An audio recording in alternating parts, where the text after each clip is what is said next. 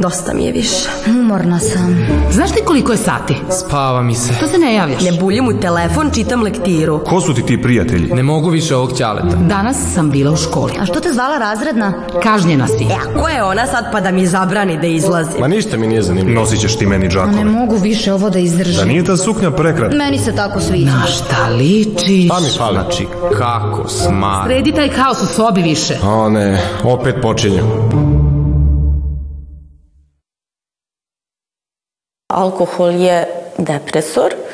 On možda u malim količinama deluje stimulativno, međutim što se nastavlja više da se pije, on deluje duboko depresivno. Ulog koji osoba unosi u samu igru, dakle nije samo novčanog novčanog obeležja, već je to i zdravstveno stanje, dakle osoba počinje da dobija tegobe na zdravstvenom nivou, što zbog stresa, zatim na ponašajnom polju i na psihičkom planu. Mi koji možemo možda ponajviše da utičemo na ponašanje daš naše dece, mislim da bi trebalo da se zanemare te neke formalnosti koje su unazad godinama prisutne u školstvu, a da se više obrati pažnja na e, sam taj razvoj, mentalni razvoj dece.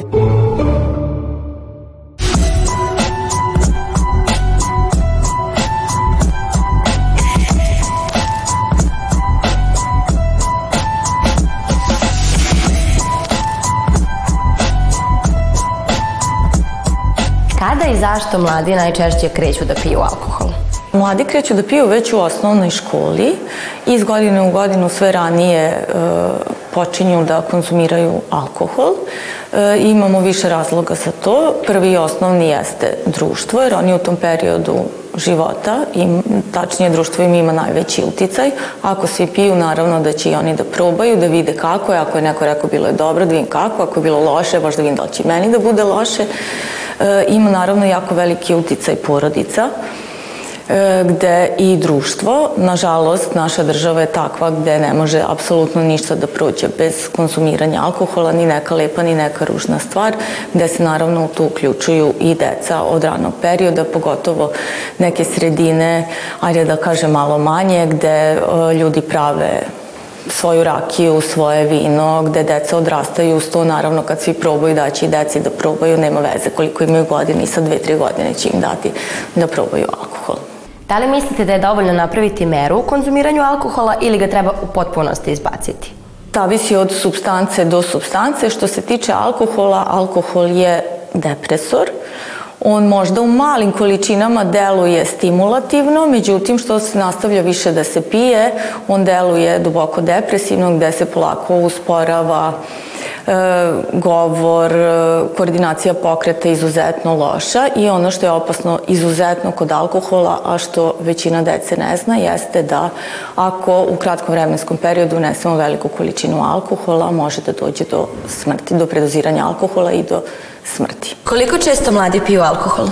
Pa vrlo često, zato što prosto gde god odu alkohol ih hoće, dočeka raširenih ruku. Mi smo još uvijek tinejdžeri i nismo, mislim, mozak nam nije razvijen i to, osim što kao fizički ne utiče dobro na nas, ni psihički ne utiče dobro, jer ako konstantno smo izloženi nečim što tako, mislim, što bismo rekli kao za odrasle, mislim, to prosto i ovako nam pruža neku kao lažnu slobodu, Tako ja bih rekla da je štetno u svakom slučaju. Ja lično ne pijem često, uh, mislim da je to možda češće kod ekstrovertnih ljudi, da možda ne osjećaju toliku potrebu za alkoholom, jer nekako uh, ne treba nam al alkohol da se oslobodimo. Mislim da je to veći problem kod, na primjer, introvertnih ljudi, koji već u startu verovatno osjećaju već taj pritisak društva, veću želju da se uklope i mislim da je to mnogo učestalije kod nekih zatvorenih ljudi da će češće popiti i češće i više baš da bi se otvorili, da bi se uklopili, osjećali prijatnije u tom okruženju. I mislim da je veliki problem uh, alkohola to što većina konzumira da bi se rešili nekih problema uh, koji možda čak i nisu toliko veliki, ali prosto uh, se ne priča dovoljno o problemima i često je alkohol uh, jedino rešenje u njihovoj glavi uh, u tom smislu.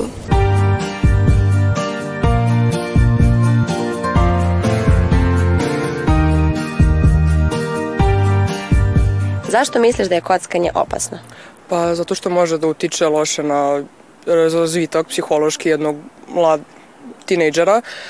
Prvo to, drugo opasno za financije, naravno izgubiš pare, postaneš zavistan, zaludiš se time, ne možeš više da razmišljaš o odnosima, porodičnim, prijateljskim, romantičnim, kako god i ceo život krene da ti se vrti samo oko te kocke, samo oko kladionice i to je jedino u tvom životu u tom trenutku i jako se teško čovek izvadi iz toga i Mislim da jeste jedna od najopasnijih zavisnosti, baš zbog toga koliko mi mislimo da je ona bezopasna i zbog toga koliko se ona zapravo nama prikrada, jer mi mnogo lako prihvatamo spoljašnje uticaje i zapravo ni nemamo u vidu to koliko e, utiču na nas neki spoljašnji faktori i koliko nama nešto može u podsvest da se, e, da se useli poput kockanja kockarnica. Pošto treniram košarku, poznajem dosta ljudi mladih, pogotovo moje godina i odrastao sam u takvom kraju i upoznao sam puno momaka koji dan danas počeli su dosta mladi, igraju dosta mladi i čak sam ja bio znatiželjen pa sam ja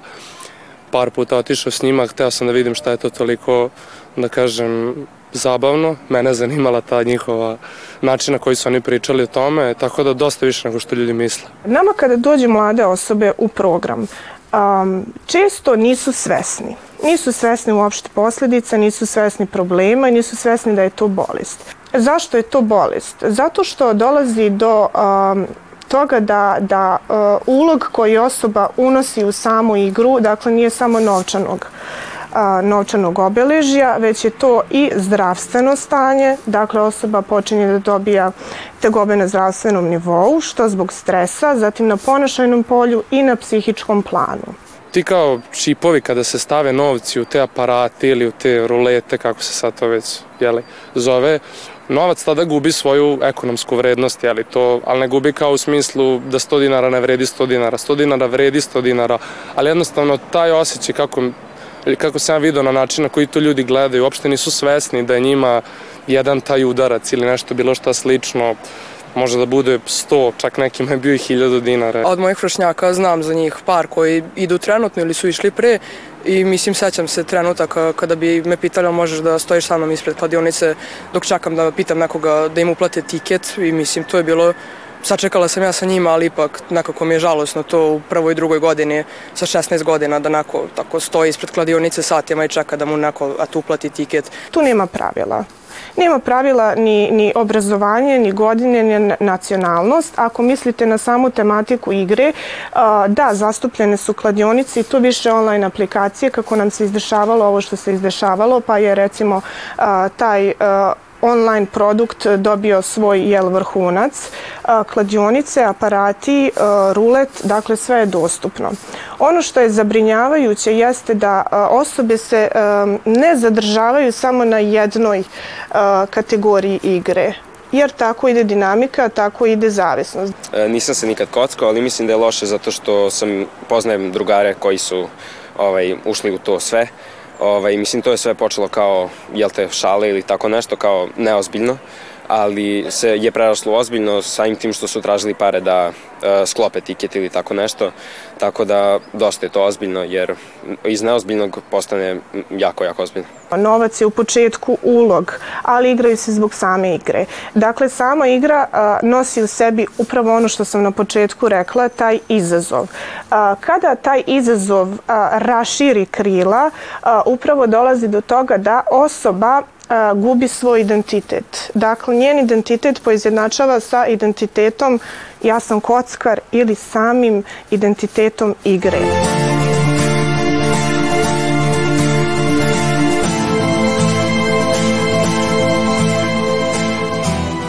Na koji način roditelji mogu da pripreme dete na razvod? Da budu što iskreniji u smislu promena koje ih očekuju, e, da ne iskače suviše jel, ono šta će se desiti u smislu pošto je sam razvod ogromna promena i veliki stres e, da im što više smanje ostale stresove. I kada se razvod desi, na koji način mogu da pomognu detetu sa novonastalim emocijama? Da pokušaju da razgovaraju jel, prvenstveno i da im puste, jel, da im ne nameću kako bi trebalo da se osjećaju, takođe da ne pričaju negativno o drugom roditelju i da podržavaju viđanje i sa jednim i sa drugim roditeljem.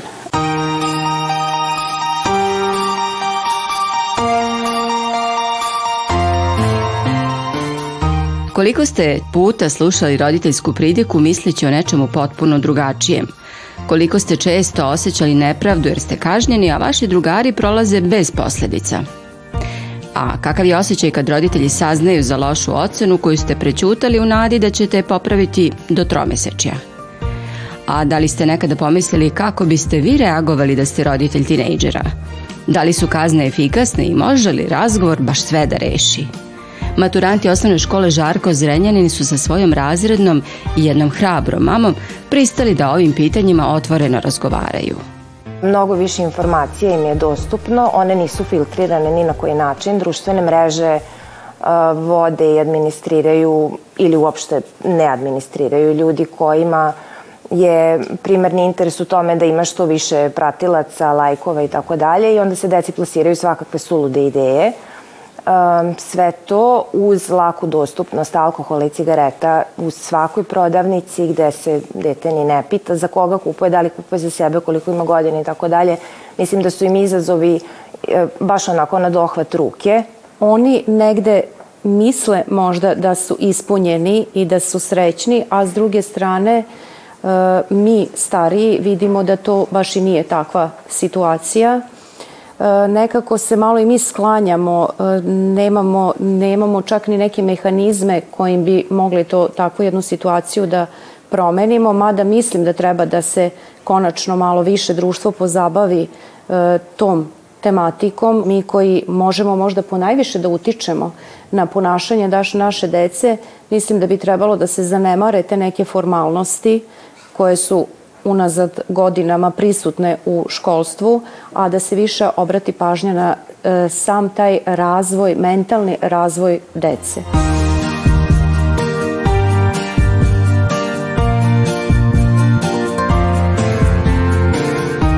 Mi sad ulazimo u pubertet i uh, borimo se s nekim problemima i psihičkim i onda mislimo da bi nam uh, cigarete i alkohol pomogli i zato trebamo da imamo roditelje koji će da, nas, uh, da nam kažu koji je pravi put i da nam daju savete jer ako pitamo naše vršnjake oni će reći da nam trebaju cigarete, to je nudit će nam cigarete da nas opuste ili alkohol da zaboravimo. Tako da poprilično mnogo njih u mom okruženju uh, koristi alkohol, to je konzumira alkohol i cigarete bolje otići negde gde će vas neko i prihvatiti ako se bojite da pušite i ako ste kukavica, kako bi neki rekli, nego dodajte negde gde će vas prihvatati samo zato što radite nešto što je štetno i za vas i za njih. Mislim da je onako to neki izduvni ventil posle naporne nedelje, pa odamo za vikend na neku žurku ili sa društvom negde i da tu se uglavnom počinje sa time, dakle i cigarete i alkohol i imao sam priliku da prisustujem tako neko nekom okupljanju, ali i opet to nije u redu kao ni da pušemo tokom nedelje ni bilo šta drugo. Da li postoje velike i male laži? A, pa postoje definitivno. Ma, razlika je u posledicama koje laži jel, da doprinesu. Ako je nešto benigno, ako je neka sitnica, onda bi to rekli da je mala laža. Ali ono što je, na primjer, isto što su naučnici dokazali, kada lažemo, aktivira nam se pre svega amigdala. Ta amigdala se navikne na taj osjećaj, istroši se i onda nam postaje sve lakše da lažemo. I onda prelazimo na te jel, da veće laži. Da li tinejdžeri više lažu od dece i odraslih? Da, tinejdžerski period je zapravo vreme kada najviše lažemo. Između ostalog zato što pokušavamo da uspostavimo svoju ličnu autonomiju i da se razgraničimo od odraslih.